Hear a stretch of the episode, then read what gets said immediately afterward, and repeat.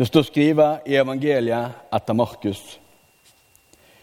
Det kom folk fra huset til synagogeforstanderen og sa:" Dattera di er død. Hvorfor bryr du meisteren lenger? Jesus hørte det som ble sagt, og sa til synagogeforstanderen:" Vær ikke redd, bare tru. Han let ingen andre følge med seg enn Peter, Jakob og Johannes, bror til Jakob. Da de kom hjem til synagogeforstanderen, og han så alt oppstyret og folket som gret og bar seg, gikk han inn og sa til dem, Hva er det det ståker og gret for? Barnet er ikke død, hun søv.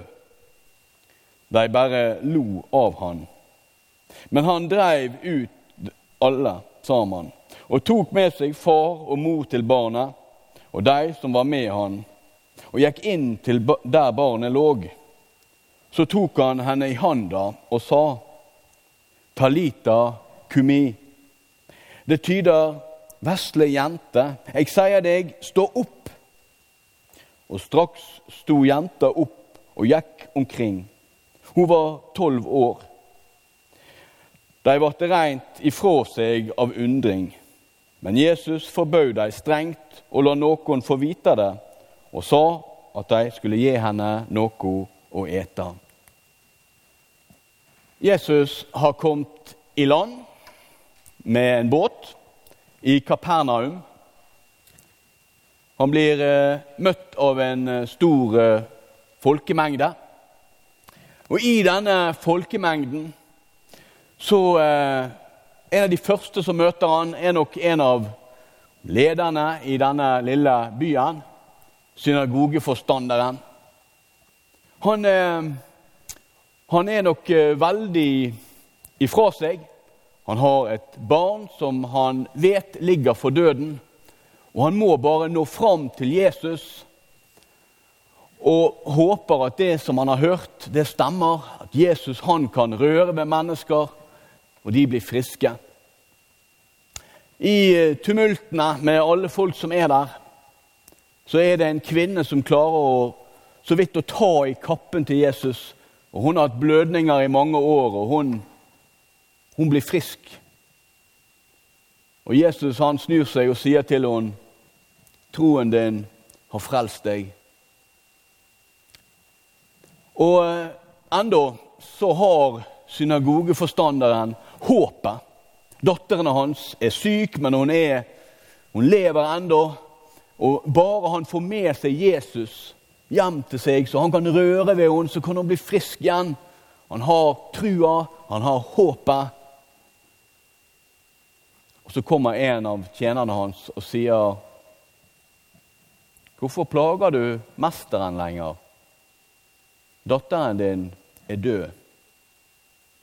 Alt håpet du hadde, det trenger ikke du å bære på lenger.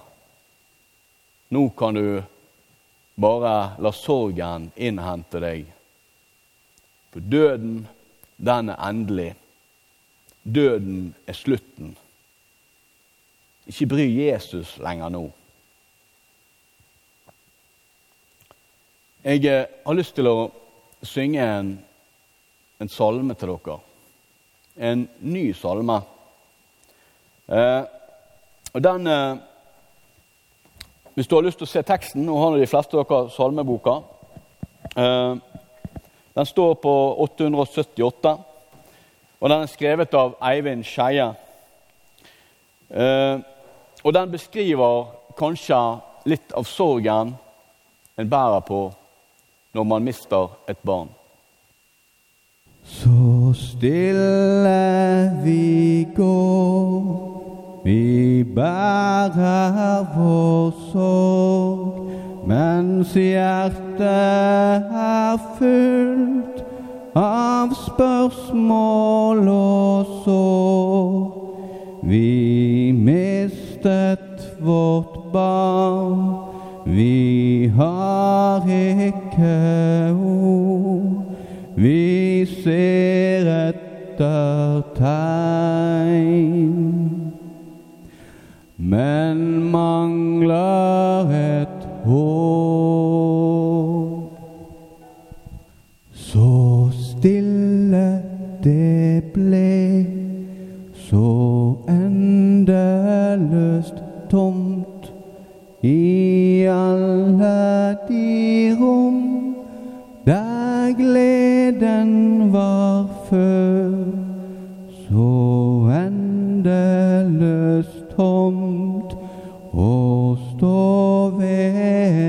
grav. Vi kan ikke mer. Vår gråt stilner av. Det finnes en venn som elsker de små. En strime av lys der mørket er nå. Så stille vi går til Gud med vårt savn for endeløs stor er himmelens favn. Denne salmen den griper noe av smerten, håpløsheten, sorgen, som denne mannen og hans familie må ha kjent på. Men så bærer han med seg et håp om noe mer. At døden ikke er et endelig punktum.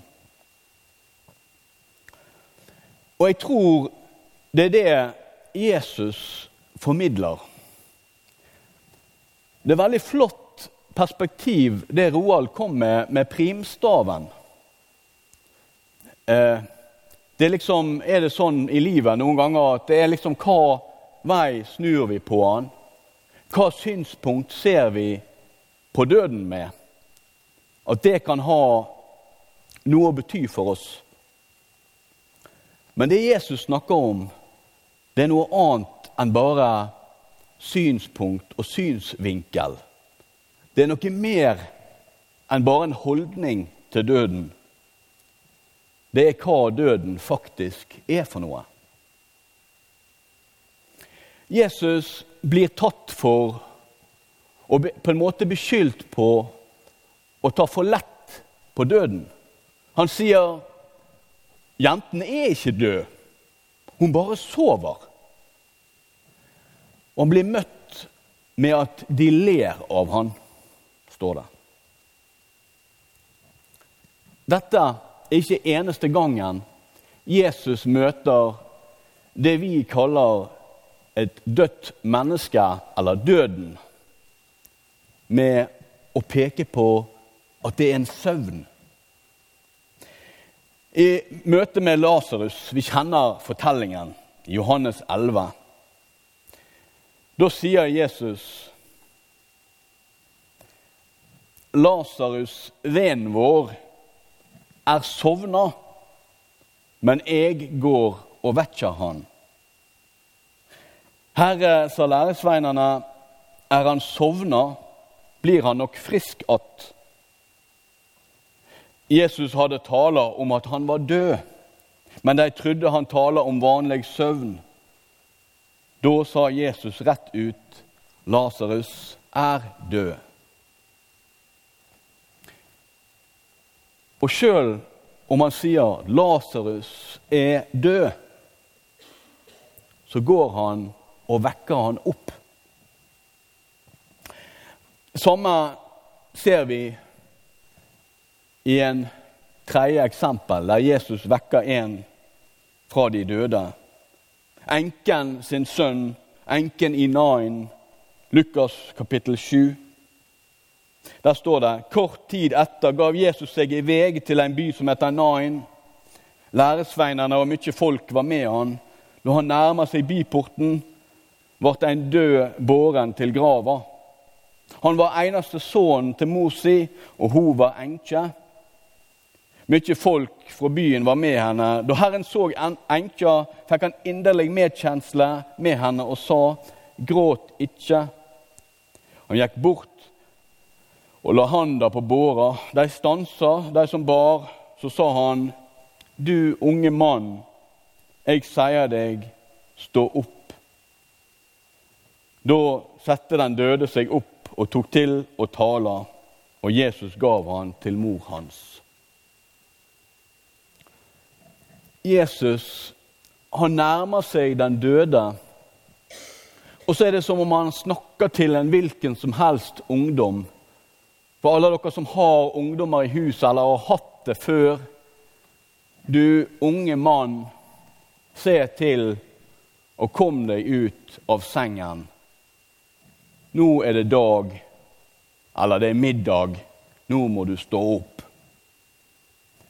Sånn snakker Jesus til de døde.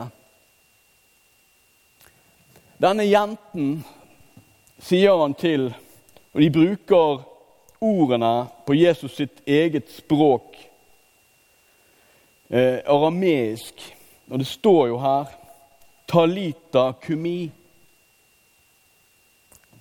Jente, nå må du stå opp.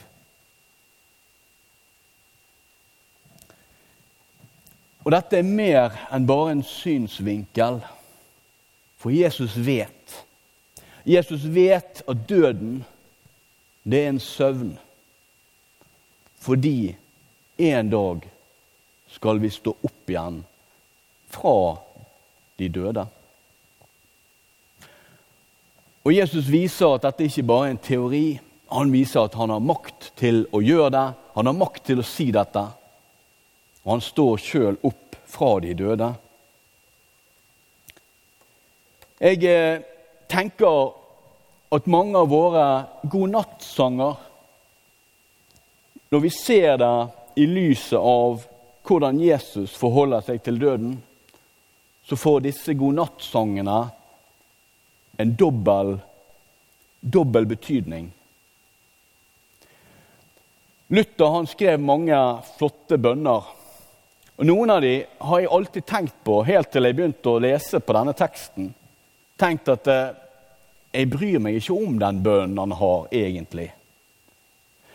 Luther han lagde en bønn som står omtrent sånn eh, Herre, takk for at du har vara meg i natt fra all synd og all fare, og at du har latt meg våkne opp til denne nye dagen. Så tenker jeg Når jeg legger meg, så har jeg en forventning om at i morgen så står jeg opp. Jeg tar det for gitt. Jeg føler at jeg ikke trenger å be om at det skal skje.